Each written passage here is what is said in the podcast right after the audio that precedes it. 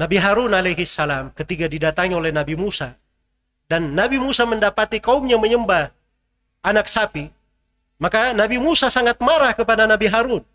Sampai dicari jari, ditarik jenggotnya Nabi Harun. Nabi Musa menerima kitab dari Allah, dibuang kitab itu tanpa sadar oleh Nabi Musa karena marahnya beliau. Nabi Harun beralasan, "Inni khasyitu an taqula farraqtu baina bani Israel wa lam tarqub qawli." Sungguhnya saya ini khawatir kamu akan menyangka saya ini memecah belah di antara Bani Israel dan tidak mengindahkan ucapanmu. Jadi perpecahan itu sangat dicela di seluruh syariat dan agama para nabi dan para rasul. Iya. Karena itu seorang muslim itu tabiatnya selalu menjaga kebersamaan. Dia hidup di dalam sebuah negeri, ada kepala negaranya, dia selalu menyandang prinsip mendengar dan taat kepada kepala negara muslim.